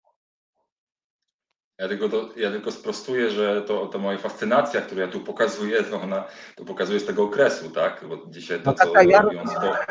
No, ale słuchaj, my dojdziemy do tego, jaki jesteś dzisiaj. Zresztą fakt, że rozmawiamy o twojej książce, w której ty dokonujesz wiwisekcji yy, PiSu, no to jest oczywiste, że dzisiaj nie, nie masz już takiej fascynacji, jaką miałeś wtedy, ale nawet dzisiaj, jak o tym mówisz, czuć, że coś w tobie tam ta iskierka jakaś świetliła, tak? Bo opowiadasz fajnie o tym człowieku, tak? Nie mówisz, że to przyszedł taki potwór i tam nas chciał zjeść, tylko że umie słuchać i, i tak dalej. No to dlaczego, czego on się tak. boi? Czego się bał? Już wtedy, tak? Z tym, że z tym, że, z tym, że ten mur, o którym ty mówisz, że on się takim murem odgrodził jak Stalin i że dzisiaj na przykład tam setki radiowozów e, stoi na Żoliborzu i odgradza jego dom od ludzi, tak, to, e, to może dzisiaj tylko to tak mocniej widać, bo on jest przy władzy, tak, i ma możliwości takie. Natomiast e, tak z, z, z Kaczyńskim było zawsze. To był taki mur sztuczny, wytworzony na potrzeby, moim zdaniem, wykreowania takiego wizerunku człowieka, który jest, który musi po, poniekąd być niedostępny, pomimo tego, że w, jeżeli dopuszczał kogoś do siebie, tak jak na tych zdjęciach dwóch, żeby porozmawiać prywatnie, i widać można było w niego takiego ciepłego, starszego pana, który ma przenikliwy wzrok i umie słuchać, to jednak e, oficjalnie na zewnątrz, w mediach, e, taki wizerunek partia tworzyła od początku, żeby, żeby po prostu, mi się wydaje, naród y, czy opinia publiczna, nie tylko członkowie partii, miały wrażenie, że to jest, to jest człowiek, który nie do końca może być dostępny, ponieważ on kiedyś, jeżeli będzie u władzy i będzie, tak jak dzisiaj, jedną ręką z tylnego fotela rządził całym krajem, to musi sprawiać wrażenie takiego takiego, takiej trochę niedostępności, żeby to było, nie było tak e, bezpośrednio, że można sobie z takim człowiekiem porozmawiać. Tak? To, to, to, to myśmy mieli takie wrażenie zawsze. Zresztą, zresztą to spotkanie tutaj z tego 2013 roku, e, gdzie do Domu Kultury, bo to było w Domu Kultury w mojej miejscowości przyszło ponad 500 osób. E, w miejscowości, mówimy o miejscowości 12-tysięcznej, E, ono było e, również tak, takie pokazywało taką niedostępność. Było bardzo wielu ludzi, którzy na tej sali na przykład chcieli zadawać pytania jemu bezpośrednio e, i nie było takiej możliwości wtedy, tak? Była, przyszła do partii, wy, przyszedł prikaz, tak, wytyczne, jak można zrobić, żeby Jarosławowi Kaczyńskiemu publiczność mogła zadawać pytania i, i przyszła przyszła taka instrukcja odnośnie pytań na kartkach. To polega na tym, że, że y, chodzi y, podczas jego wystąpienia, bo wiadomo już, jakie pytania będą. Tutaj ludzie nie potrzebują słuchać to, co on powie, tylko każdy przychodzi po to, żeby go zapytać o konkretną rzecz już na początku, tak? A więc y, y, wchodziła jedna osoba wy, wyznaczona i zbierała y, kartki wśród publiczności z zapisanymi na kartkach pytania, pytaniami. Później druga osoba, która była blisko prezesa, te kartki zbierała i segregowała mniej więcej jakby kategorią pytań, a więc pytania nie były y, kierowane od konkretnej osoby do Jarosława Kaczyńskiego, czyli jeżeli, tylko jeżeli y, było na przykład, nie wiem, 15 pytań podobnych, tak, no to padało jedno pytanie i on odpowiadał na te 15 pytań. Nie było, nie było możliwości y, zadania pytania przez mikrofon, tak, tak jak to zwykle bywa w tak, przy takich spotkaniach. A więc no taka taki mur, którym on się odgradzał, on był e, zawsze widoczny. To był 2013 rok, a więc dwa lata była, partia była w głębokiej jeszcze opozycji. Nic nie wskazywało na to, że oni w 2015 roku wygrają wybory, tak? Więc, więc to już wtedy było widoczne. Inne takie spotkanie było w Legnicy, które ja również opisuję w książce z 2012 roku, z roku poprzedzającego. E, gdzie wtedy w takim e, pałacu e, bardzo pięknym spotkaliśmy się na takim typowo już prywatnym spotkaniu z, z, z prezesem. I wówczas również była okazja do rozmowy, ale też wtedy było widać, że, że to jest, jakieś taka, jest jakiś taki mur stworzony. Wtedy obecna marszałek Elżbieta Witek była posłanką z Legnicy i, i ona dbała bardzo mocno o to, żeby zbyt mocno do, do prezesa poszczególni działacze nie mogli e, podejść i jakby się spoufalić, tak? A więc no, to nie tylko dzisiaj to widać, to było tak zawsze, że prezes się publicznie w, odgradza jakimś takim e, e, murem, natomiast na jakichś takich spotkaniach prywatnych, partyjnych, to działacze mieli taką, takie, takie odczucie, że to jest ciepły pan, tak? No tak, no, e, w tym całym projekcie, który Kaczyński realizuje, fatalną dziurą jest to, że o ile program, przynajmniej w pewnym zakresie, program Prawa i Sprawiedliwości, tego e, wspierania przy pomocy 500, czy, czy innych tego typu działań, E, niewątpliwie jest jakoś akceptowany, nawet opozycja to w którymś momencie uznała, że to jest ok. Natomiast e, jakby nieufność w stosunku do Kaczyńskiego bezpośrednio jest ogromna. To znaczy, on właściwie to jest zaskakujące, że, że ugrupowanie, któremu przewodzi, e, ma tak dobre notowania, kiedy lider ma tak złe notowania. E, no, na granicy, że tak powiem, no, jak to powiedzieć, e, no może nie, nie, nie wejścia do, do parlamentu, ale e, no, nie, nie jest to lokomotywa, raczej to jest obciążenie, prawda? Zresztą mówi się o tym, że Kaczyński był chowany przy kampaniach po to, żeby, że tak powiem, nie odstręczać, tak? Podobnie zresztą jak Macierewicz i parę innych osób, ale w szczególności Kaczyński no to y, czy Was to nie zastanawiało? Bo przecież e, wiele elementów tego programu, o których zaraz powiesz, bo też chciałem, żebyś o tym powiedział, wydawało się takich dosyć sensownych. Tam konkursy na stanowiska, e, oczyszczenie. No nie, nie, zostawmy już szczegóły tego oczyszczenia, ale w tym oczyszczeniu aparatu państwa chodziło wtedy, tak się wydawało przynajmniej, rozumiałem z tego, co, co, co napisałeś, że rzeczywiście y, miała to być walka z pewnymi takimi pozostałościami dawnego systemu i tak dalej, co wydaje się jakby rozsądne, tak? E, ta centralizacja, która była w PRL-u i te, te wszystkie układy, no to niewątpliwie nie były naj, najlepszą rzeczą i to było pewne obciążenie, tak? No ale y, Kaczyński jak gdyby y, no nie, nie jest tą,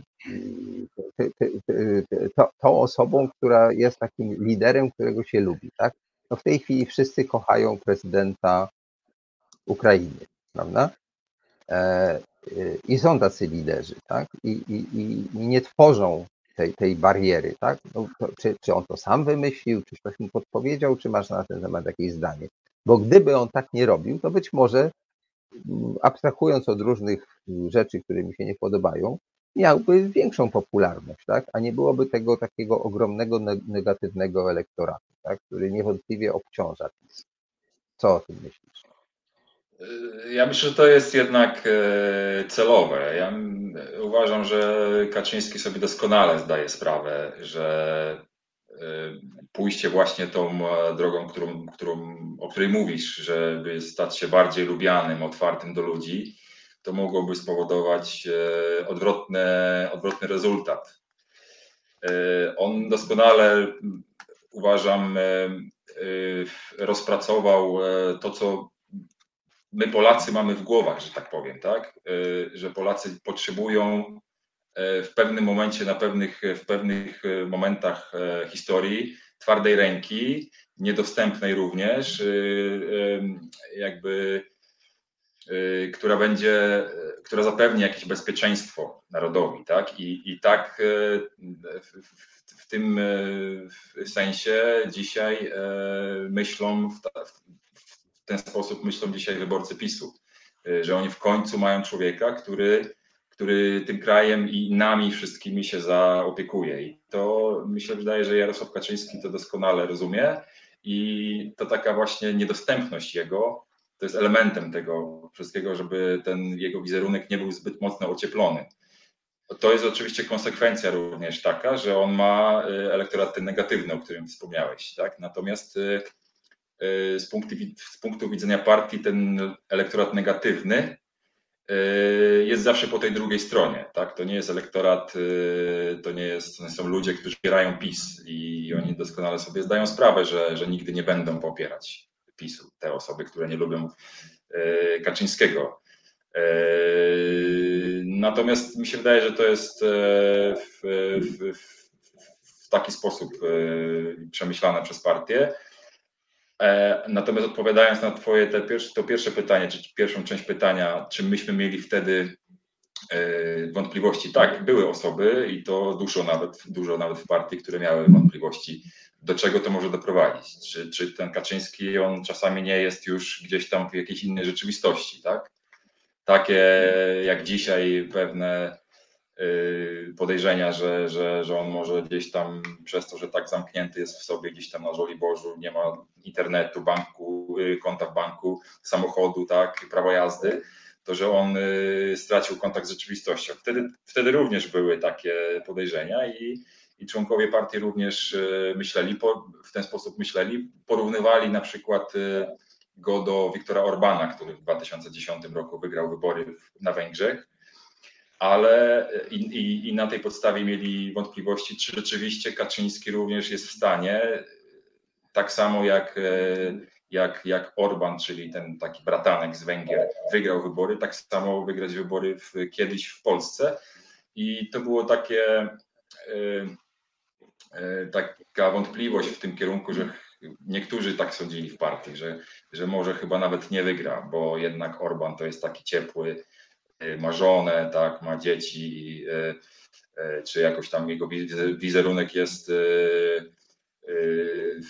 ocieplany, a Kaczyński nie ma, tak? I tym bardziej po roku 2010, kiedy on już w tą żałobę zapadł po katastrofie smoleńskiej, to, to były osoby, które wątpiły, że, że rzeczywiście kiedyś PiS może wygrać wybory. No ale też byli tacy, którzy rzeczywiście tej partii zostali do końca i, i jakiś widzieli w tym sens, chociażby nawet, żeby, żeby, żeby być przy nim i działać dalej, tak? Nie, I może nawet liczyli na, na tą wygraną kiedyś, ale no to były takie podzielone e, zdania i opinie wtedy. Tak, rozumiem.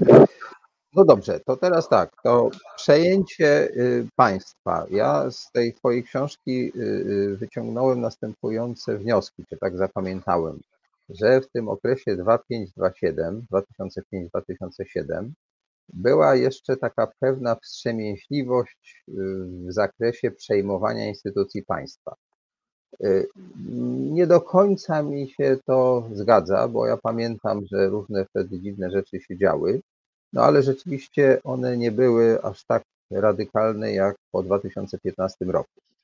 I w Twojej interpretacji to tak wygląda, że e, PiS e, czy działacze PiSu e, nabrali przekonania, że jak szybko wszystkiego nie złapią i nie wytną wszystkich swoich konkurentów i nie zajmą wszystkiego, co się da, tak, to, no to nie uda się w ogóle przeprowadzić tego programu. Że to trochę się brało z tego, że że, że w pewnym momencie wtedy ta klęska i to wycięcie ludzi PiSu niejako się odłożyło takim, e, no takie traumatyczne było, tak? W związku z tym, jak już te, drugi raz im się udało, no to dokonali już takiego skoku na rympał, tak? Że to w ogóle właściwie wszystko jedno jak, bylebyśmy wszystko zajęli. Czy ja dobrze to zrozumiałem i jak, jakbyś mógł to żebyś to jakoś trochę rozwinął, tę, myśl. Yy, tak, to było taki, taka, po, to co ja obserwuję po 2015 roku, po, wy, po wygranych wyborach, yy, zwyciężył taki nurt rewanżu, bym powiedział, tak? Czyli platforma, która rządziła 8 lat i, i przejęła wszystko w, w uznaniu PiSu i, i, i mogła dzięki temu tyle rządzić, no to dzisiaj my musimy zrobić to samo, a nawet i więcej. No i zrobili więcej, tak? Zrobili o wiele, wiele, wiele więcej. Dzisiaj no, państwo jest praktycznie w ponad 80% przejęte e, przez PiS. E, także ta nuta, nuta rewanżu takiego po, po poprzednikach wygrała. Ja to wtedy obserwowałem 2015 i szczególnie chyba w 2015 roku tak wyrywkowo próbowałem, bo ja już byłem wtedy w innej całkiem rzeczywistości. Ja byłem w Norwegii i tutaj organizowałem życie swoje na nowo. Byłem kompletnie zniszczony tą pisowską polityką yy, i w ogóle polityką.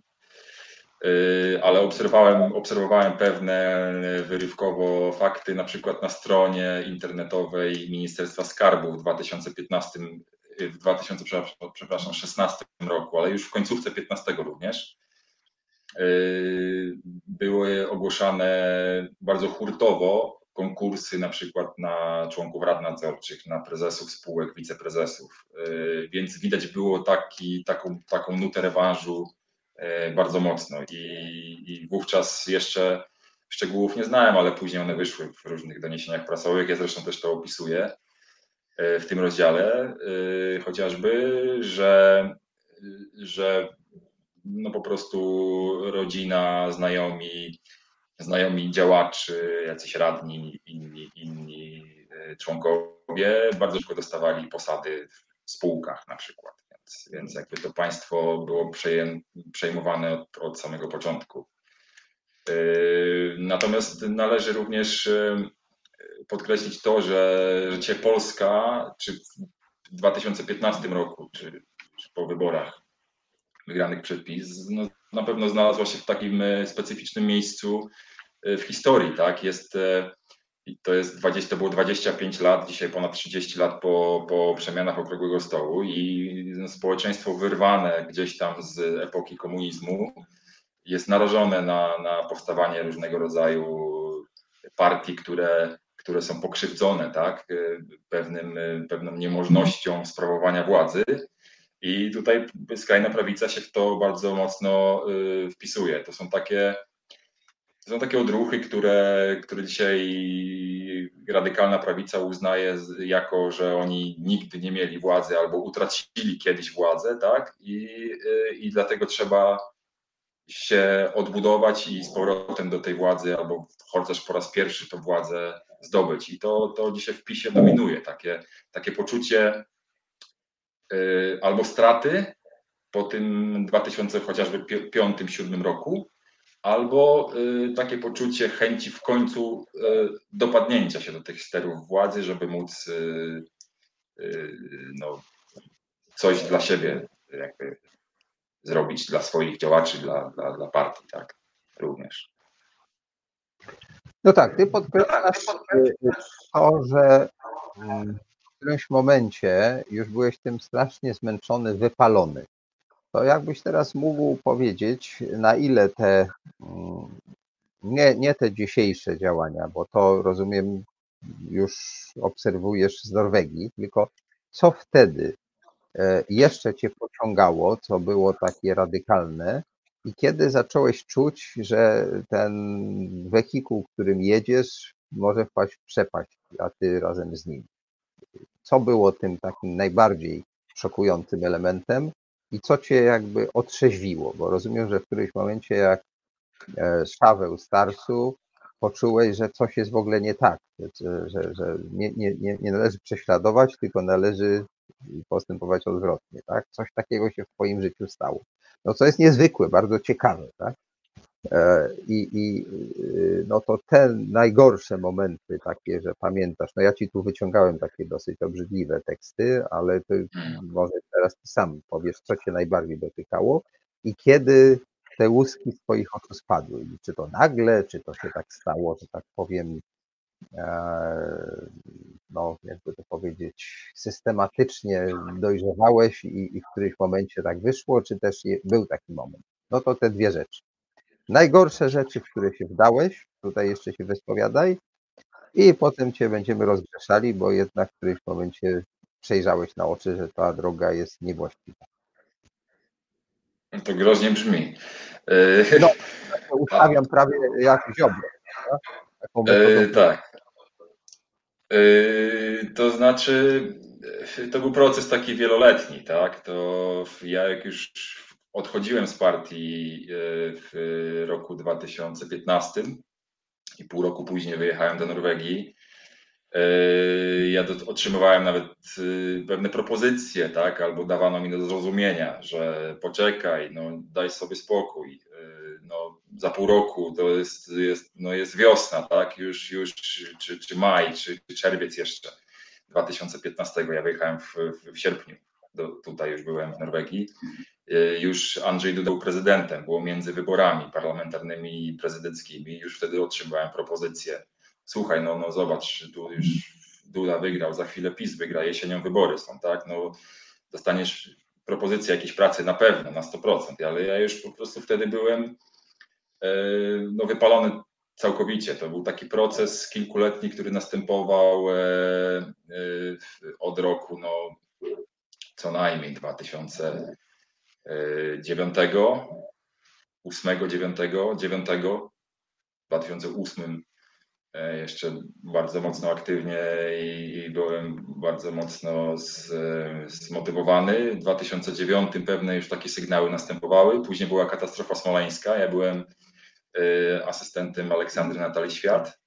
To była wrocławska posłanka, która zginęła w katastrofie. E, mocno wtedy to wszyscy przeżyliśmy i nakręcanie później po jakichś kilku miesiącach teorii o zamachu i, i jeżdżenie na różnego spotkania, y, rodzaju spotkania z Macierewiczem chociażby, który wtedy brylował w, na tych spotkaniach i w ogóle w mediach jako, jako badacz, zresztą do dzisiaj bada katastrofę.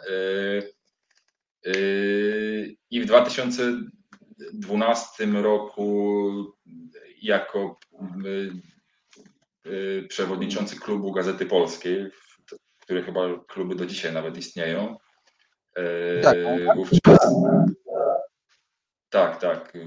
Wówczas jako przewodniczący klubu Gazety Polskiej pojechałem y, na spotkanie do Warszawy, czy na marsz przeciwko w obronie wolnych mediów, tak on się nazywał. To był luty 2012 rok, kiedy, kiedy no już tak takie, tak, takie poważne tąpnięcie w moim podejściu do partii nastąpiło właśnie wtedy, gdzie, gdzie również wszystkie te y, teorie, które w domu słyszałem przez lata 90. i później y, one tam miały też również potwierdzenie.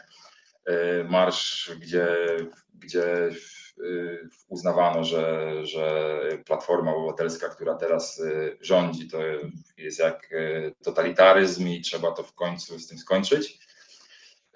No i, i to był taki, taki najbardziej poważnie, poważny sygnał i później następowało już tak, takie powolne wychodzenie z partii mentalne, tak? Chociaż, tak jak mówię, jak powiedziałem wcześniej, również pewne takie administracyjne Y, kwestie się odbywały jeszcze później. Później jeszcze kandydowałem w wyborach, jeszcze coś tam robiłem, tak? Y, jakieś tam spotkanie y, w obronie szpitala powiatowego chociażby, tak? Gdzie też również tam byłem bardzo aktywny.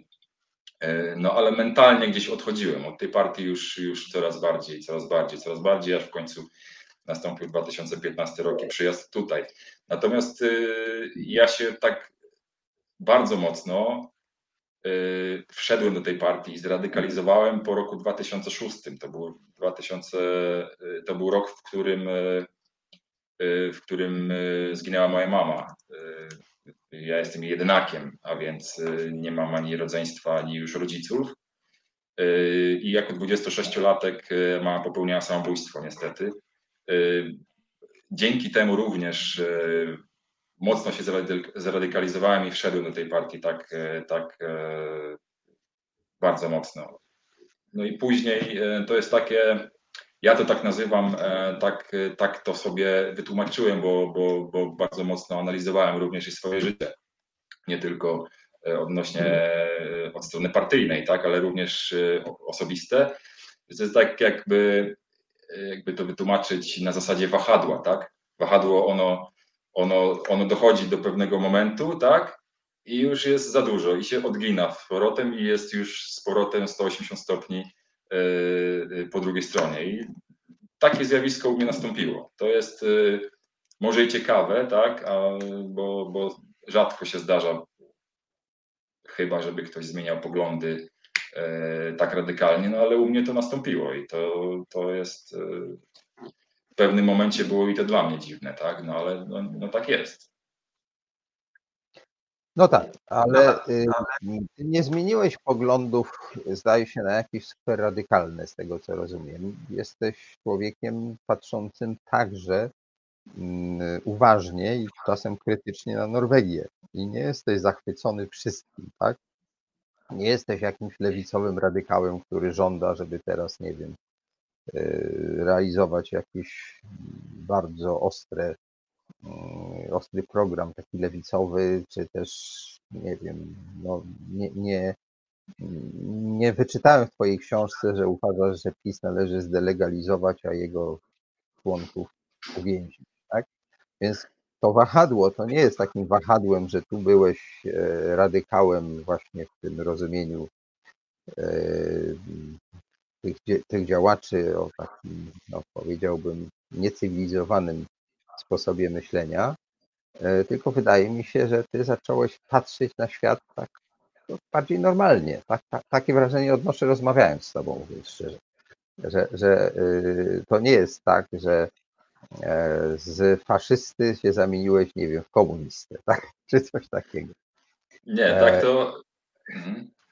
Tak, nie, nie. Ja pokazuję to wahadło jakby na zasadzie, że Yy, że można odejść od takich poglądów, tak? To, że to nie jest tak, że człowiek e, całe życie e, będzie zradykalizowany w jednym kierunku, że po prostu no, e, życie no, uczy różnych rzeczy i na pewnych etapach życia również można inaczej zacząć myśleć. Ja mówię na zasadzie tego wahadła w tym, w tym, w tym kontekście. Natomiast teraz jakby politycznie jestem gdzieś tak wycofany, tak? Ja bym to tak, tak znormalizowany, można tak powiedzieć, że ja nie jestem po tej drugiej stronie, ja na polską szczególnie politykę dzisiaj patrzę z, już nie tyle z dystansu takiego fizycznego, bo tysiąc kilometrów jest stąd do, do Was, ale y, z takiego dystansu myślowego, rozumiejąc trochę, położenie polskiego społeczeństwa dzisiaj, 30 lat po komunizmie, tak? To jest e, specyficzny moment, gdzie się nie da na przykład zdelegalizować PiSu, bo ci ludzie i tak dalej będą i sobie znajdą drugi PiS. Yy, także to się nie da tak zrobić, tak? No po prostu patrzę na to z, z, z dystansu takiego, z taką, z taką racjonalnością trochę. No. Podchodzę do tego wszystkiego. Tak? Trzeba się po prostu pogodzić e, z pewnymi społecznymi Y, kierunkami i nic na to nie, nie poradzimy, tak. Tak.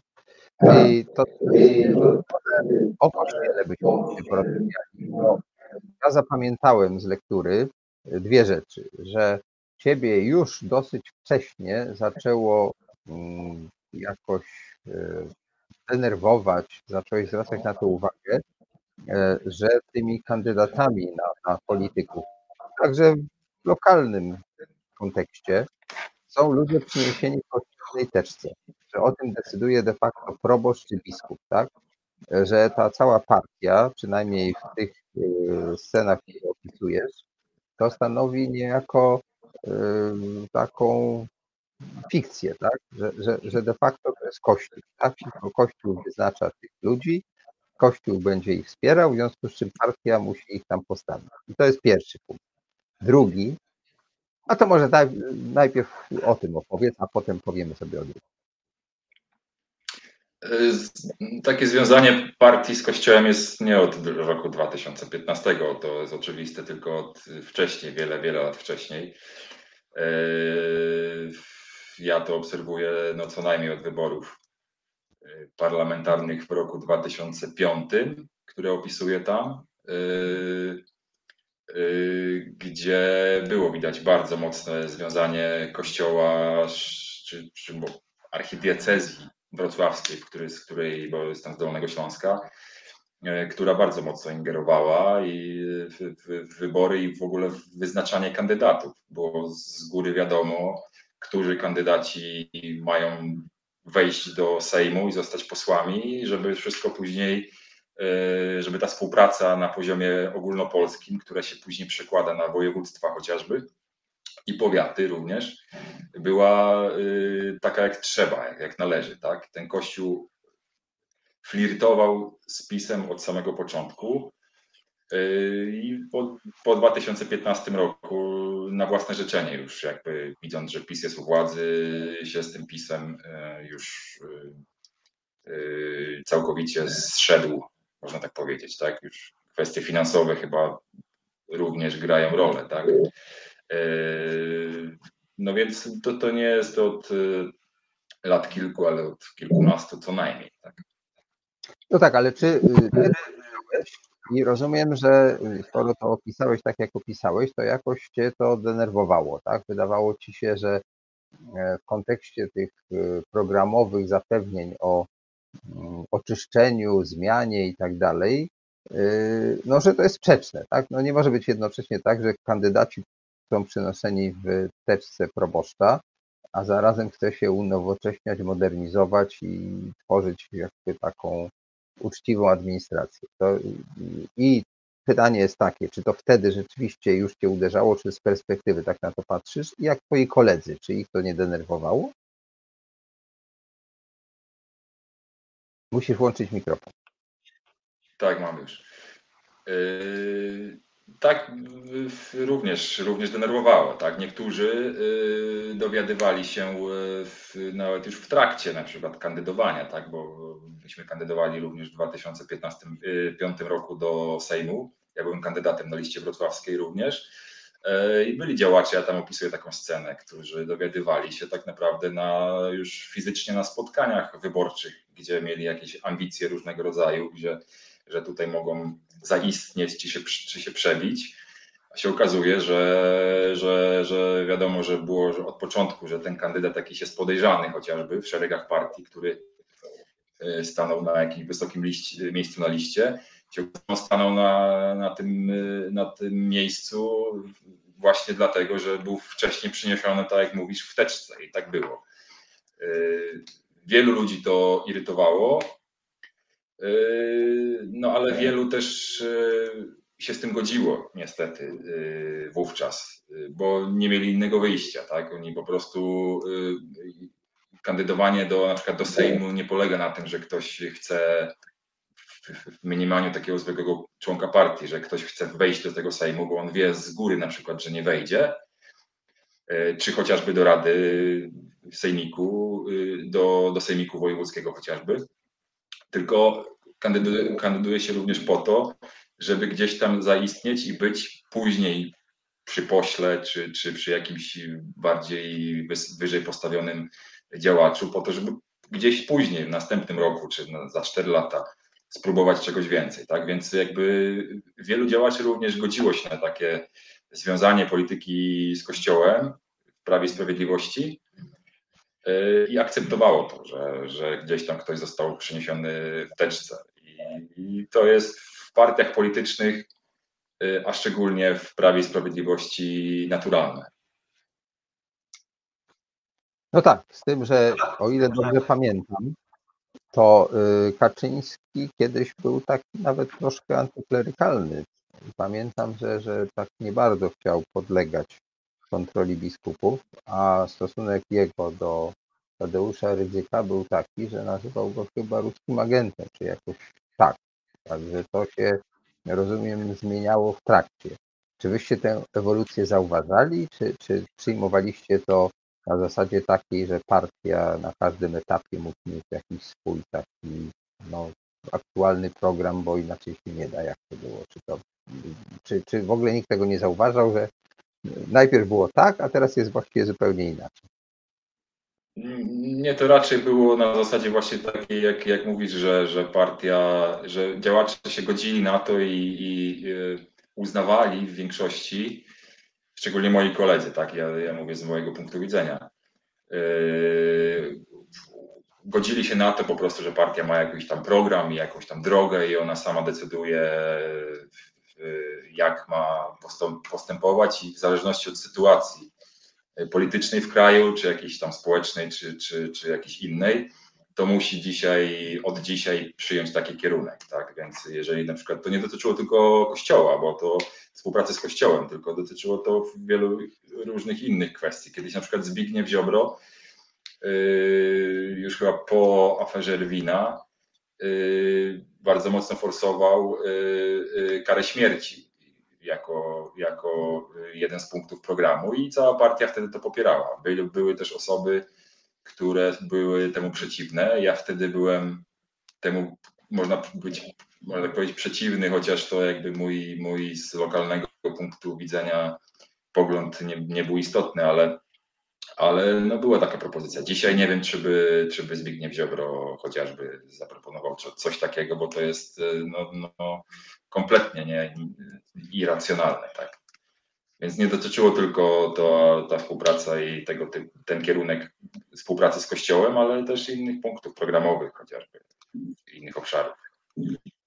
No tak, czyli taki pewien pragmatyzm, bo jak nie będziemy szli e, w taki sposób, żeby się układać, no to nigdy nie dojdziemy do tego, żeby zdobyć władzę. Rozumiem. Ja pamiętam moją rozmowę z jednym z e, posłów PiSu, wtedy to był młody poseł i nieznaczący, dzisiaj jest jednym z ministrów i to takim eksponowanym.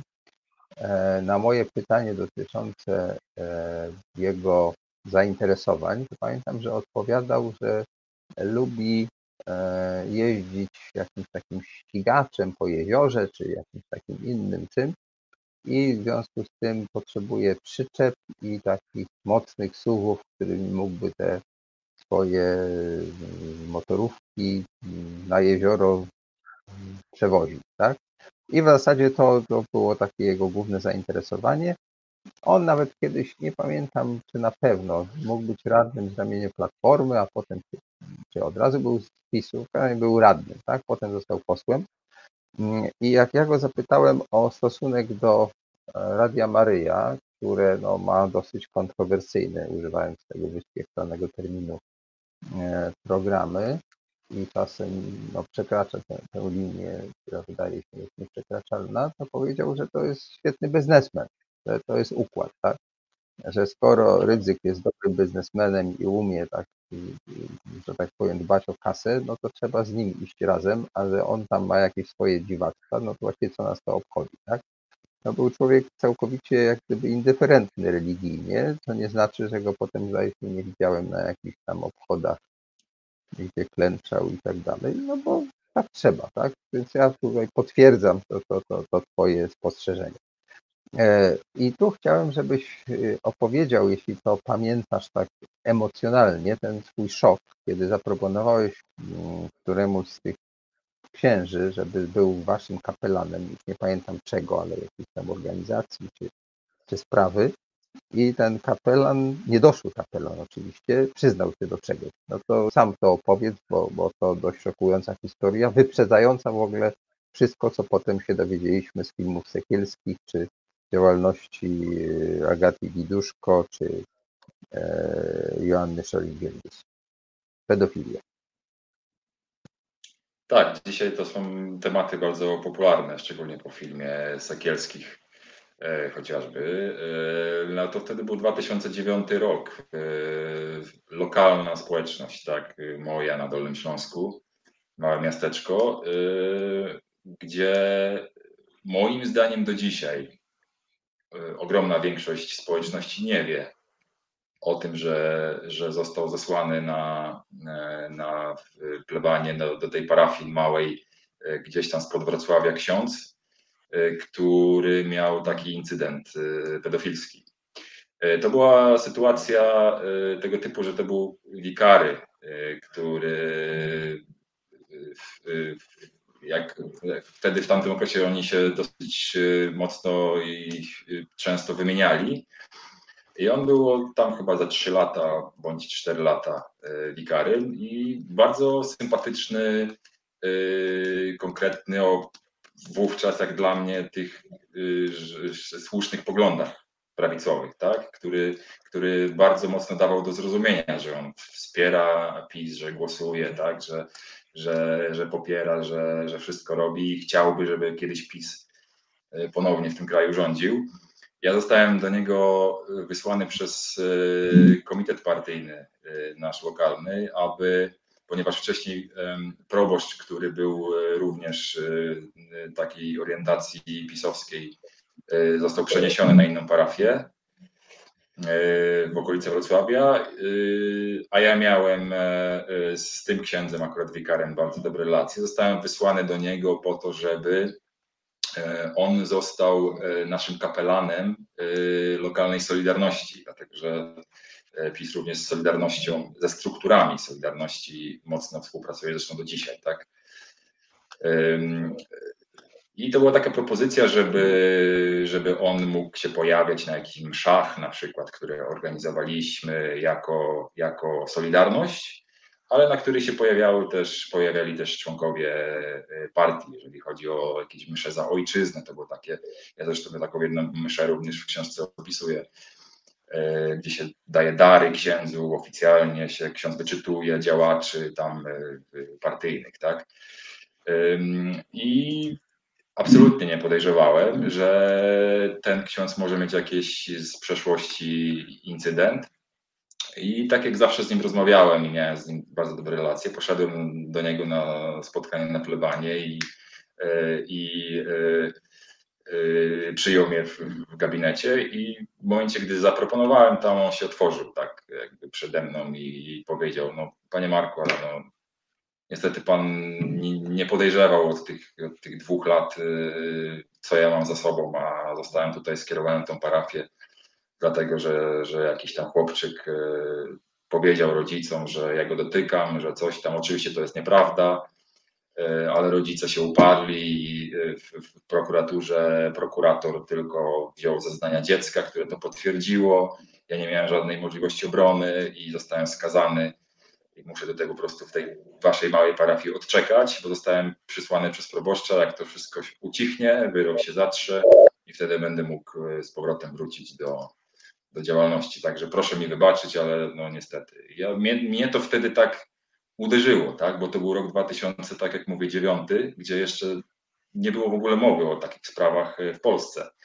To, było, to była lokalna gdzieś tam, no, tak jak mówię, parafia i szok dla, dla młodego działacza, który miał nadzieję, że ten kościół jest taki czysty, bo jest przecież przy Prawie i Sprawiedliwości, a tu się okazuje, że jednak nie. No i kolejne lata później potwierdziły, tak dzisiaj, no, tak jak mówię, film czy, czy, czy tak jak mówisz, działalność innych osób, posłów.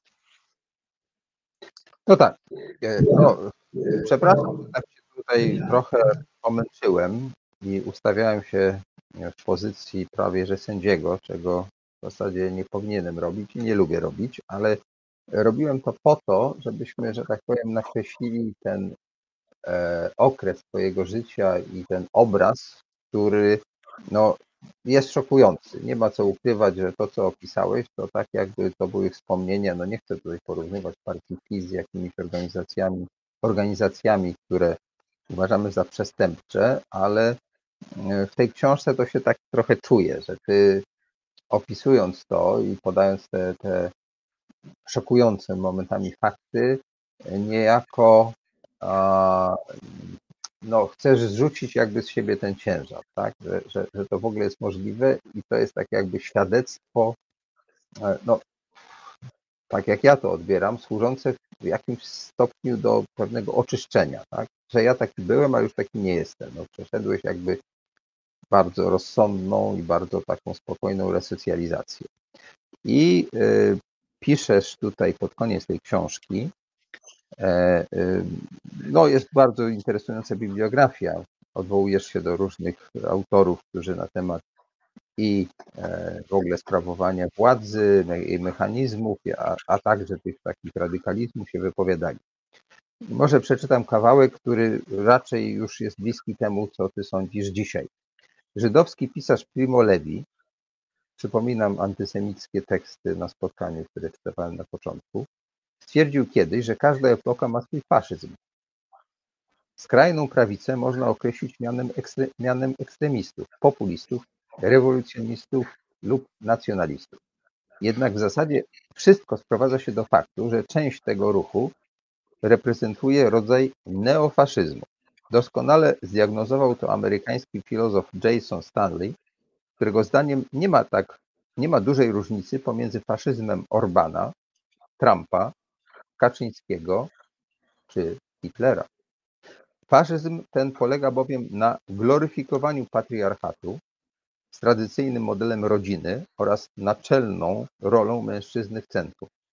To właśnie stąd biorą się wszelkie fobie i negatywne zjawiska społeczne, takie jak religijny fundamentalizm łamiący prawa kobiet, nacjonalizm, rasizm, ksenofobia, homofobia czy antysemityzm. No to sobie wynotowałem z tego Twojego tekstu właśnie taki kawałek, który jest taką jakby światopoglądową deklaracją, takim Twoim dzisiejszym credo, jak rozumiem. To chciałbym, żebyś powiedział, czy to jest właśnie to, co dzisiaj myślisz e, i może niejako skomentował tę własną myśl. E, tak, dokładnie tak. To jest, e, to jest takie zauważenie po, tych, po tym całym doświadczeniu z partii Prawo i Sprawiedliwość. Rzeczywiście, rzeczywiście tego, czym ta partia jest. To jest, tak jak powiedział Jameson Stanley, E, to jest książka, z, która w Polsce się ukazała w 2018 bodajże roku, czy, czy, czy, czy w zeszłym roku, a jest z 2018 chyba, i się w 2018 w Stanach ukazała. To jest taki rodzaj neofaszyzmu. Yy, tak jak mówisz o tym patriarchacie, no, no z tego wszystkiego to wynikają wszystkie fobie, wszystkie te problemy, jeżeli chodzi o chociażby kwestię dyskryminacji w Polsce gdzie jest homofobia bardzo, bardzo silna, tak? gdzie, gdzie jest rasizm, gdzie ludzie nie mają na marszach na przykład w, w, w niepodległości nie mają żadnych zahamowań do tego, żeby krzyczeć antysemickie hasła, czy jakieś rasistowskie, ksenofobiczne. Tak? To, jest, to jest takie zjawisko. Problemem dzisiaj w Polsce jest to, że ludzie tego nie widzą albo uznają, że to tak powinno mhm. być, jeżeli chodzi o wyborców mhm. PiSu, tak? To jest takie, jest takie, taka przypowieść, czy, czy może taka anegdota o, o gotującej się żabie, tak? To jest tak, że jeżeli żabę włożymy do, może ona jest taka jakaś e, fikcyjna, ale to jest takie obrazowe, że jeżeli żabę włożymy do gotującej się wody, do garnka z zimną wodą, będziemy powoli ją podgrzewać i gotować, to ona będzie sobie pływać i ona nigdy nie zauważy, e, że jest gotowana, aż będzie za późno, tak? I się ugotuje. E, I to dzisiaj, dzisiaj w Polsce tak jest. E, PiS, ja uważam, udaje nowoczesną partię demokratyczną, czy stawia się w tej roli, tak? A ludzie tego po prostu nie widzą. E, ludzie myślą, że, że jeżeli e, mówimy o faszyzmie, tak teraz, czy jakimś autorytaryzmie, czy, czy totalitaryzmie, tak, to, to dzisiaj się nie dzieje w Polsce, dlatego że przecież faszyzm pamiętamy e, z II wojny światowej. Autorytaryzm znamy z jakiejś tam Korei, tak, czy, czy chociażby z Rosji dzisiejszej. Totalitaryzm to jest przecież komunizm, a to nie jest współczesna Polska. To właśnie może przypominać bardzo mocno. Y, y, no, no, na przykład dzisiaj y, premier Orban czy prezydent nie, nie jeżdżą tak jak starzy przywódcy na koniach, tak? Nie mają przy boku szabli, ani nie noszą mundurów, tak? Oni dzisiaj mogą się ubrać w garnitur od Armaniego i sobie gdzieś tam brylować w Brukseli nie oznacza, że to nie są faszyści, tak? To jest, to jest ruch, który przypomina, e, tak jak Jason Stanley powiedział, e, dokładnie to, co robił kiedyś Hitler czy, czy jacyś inni tego typu przywódcy. Po prostu to jest niebezpieczne i problemem e, jest to, że, że ludzie tego nie widzą, a powinni zacząć to zauważać. No tak, i teraz ja bym chciał, żebyśmy się zastanowili nad sprawą e, taką. Mianowicie y, ja y, odbierałem Ciebie i dalej sądzę, że to jest fałszywy obraz, jako człowieka stosunkowo umiarkowanego. Nie jesteś radykałem, dystansujesz się od polityki w sensie takim, że się nie angażujesz politycznie. E, co, co więcej, krytycznie opisujesz, już w tej chwili nie będziemy mieli czasu, żeby te wszystkie elementy tutaj wyliczyć, pewne zdarzenia, czy pewne postawy, czy, czy obyczaje norweskie, mimo całego zachwytu dla tego kraju. E, I czy zgodzisz się z taką tezą, że po prostu w Polsce e, my, no może jesteśmy tą żabą właśnie, przyzwyczailiśmy się na tyle do pewnych rzeczy, że jeśli nie wyjedziemy za granicę albo nie poczytamy, że tak powiem, co pisze o nas praca, prasa brytyjska, amerykańska, skandynawska, francuska czy niemiecka, to nam się wydaje, że żyjemy w pewnej w cudzysłowie normalności, tak? A to, co tak dosyć ostro zabrzmiało, te twoje oskarżenia, w istocie, e, jak poczytać właśnie politologów z uczelni zachodnich, no to oni w zasadzie chyba mają taki pogląd i chyba w Norwegii też tak się myśli. To potwierdź lub popraw. Mm, tak, yy, mogę potwierdzić, tak. Yy, książka, którą wyda, moja książka, którą wyda Arbitro, tak jak powiedziałeś yy, na początku, którą mam tutaj. Właśnie, pokaż teraz jaki jej tytuł i jak się będzie nazywała w Polsce, wiesz. Mm, jesteśmy jeszcze w, tutaj w konsultacjach tak, z wydawnictwem, natomiast książka e, Love, tak jak widać, Love or Rättfärdighet, to znaczy prawo i sprawiedliwość e, z wykrzyknikiem. I na dole jest e, taki podtytuł, który brzmi Schlichtarte o Elske de Autoritare, to znaczy tak nauczyłem się kochać autorytaryzm. Ona w dosłownym tytule w, w Polsce po przetłumaczeniu dosłownie w takim tytule się nie, u, nie ukaże, bo, bo specyfika języka norweskiego jest nieco inna i ona mogła mieć tutaj taki tytuł. E, natomiast e, e, to pokazuje taki kontrast, tak, że podtytuł autorytaryzm, a tutaj love or rättfärdighet, czyli w Norwegii to oznacza prawo i sprawiedliwość, a prawo i sprawiedliwość to są bardzo pozytywne słowa. I, i, i, i ta książka, którą ja tutaj, którą, której premiera tutaj się odbyła w listopadzie ubiegłego roku, dała właśnie Norwegom tutaj do myślenia bardzo mocno. Ona wznowiła debatę o Polsce, akurat się wpisała, y, co nie było planowane, ale tak się ułożyło w ten kryzys na granicy białoruskiej. I bardzo dużo o Polsce tutaj było w mediach jesienią ubiegłego roku, w listopadzie.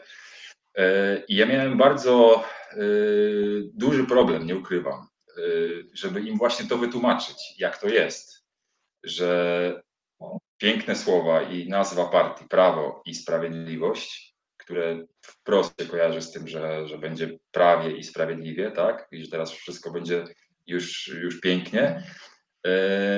Nagle ja tłumaczę, że, że to jest tak naprawdę neofaszyzm, tak?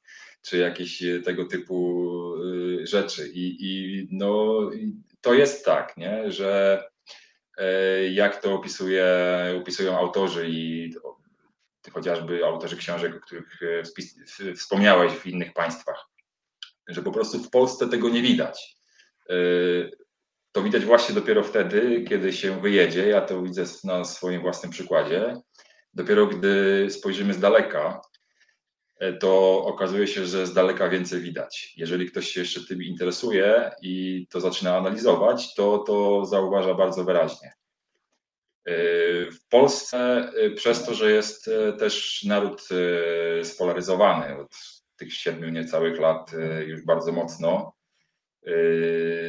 to naprawdę jest przekaz bardzo zaburzony i można nie dostrzegać pewnych rzeczy, które są dostrzegalne z zagranicy. I to wszystko, co ci autorzy i publicyści opisują, i, którzy, i, i co potwierdzają również ci historycy, chociażby, którzy analizowali moją książkę tutaj przy, przy, przy y, takim liberalnym think tanku Civita, y, to oni również to, to, to widzą i pod tym kątem analizowali. Także no, mogę potwierdzić, tak. No dobrze. Ja myślę, że najlepszą formą poznania Twoich poglądów będzie przeczytanie Twojej książki. W maju można będzie ją kupić. Nie jest bardzo długa, ma chyba ze 200 stron, więc to wystarczy czasu przez weekend, żeby się z tym zapoznać. A takie spojrzenie jest bardzo cenne. I sądzę, że powinniśmy, przepraszam, bo głos mi się y, za dużo ostatnio musiałem y, przemawiać, że tak powiem. Głos mi się trochę łamie. Y, bardzo Ci dziękuję za dzisiejsze spotkanie. Chciałem podkreślić tylko, że uważam, że nie ma nic złego w konserwatyzmie, nie ma nic złego w prawicowych poglądach, podobnie jak i w lewicowych. Po prostu są pewne normy cywilizacyjne, które e, znamy dość dobrze z zachodniej Europy, które w Polsce dzisiaj nie są uważane za normy cywilizacyjne. I na tym polega problem. I myślę, że Twoja książka właśnie pozwala nam zobaczyć z daleka ten las. Jak jesteśmy między drzewami, to nam się czasem może nawet wydawać, i słusznie zresztą, że nie wszystko, co obecne władze robią, jest takie złe. Natomiast jest coś takiego, że pewna granica została przekroczona i Europa patrzy na nas trochę, jakby to powiedzieć, e, z podejrzliwością. E, na szczęście przy całym całej tragedii, która się rozgrywa w Ukrainie, Polacy pokazali serce i dalej próbujmy je pokazać. Wspierajmy Ukrainę. Bardzo dziękuję za dzisiejsze spotkanie i mam nadzieję, że jeszcze będziemy mogli się tutaj gościć. Zapraszam Państwa za tydzień. Dziękuję serdecznie. Dziękuję serdecznie.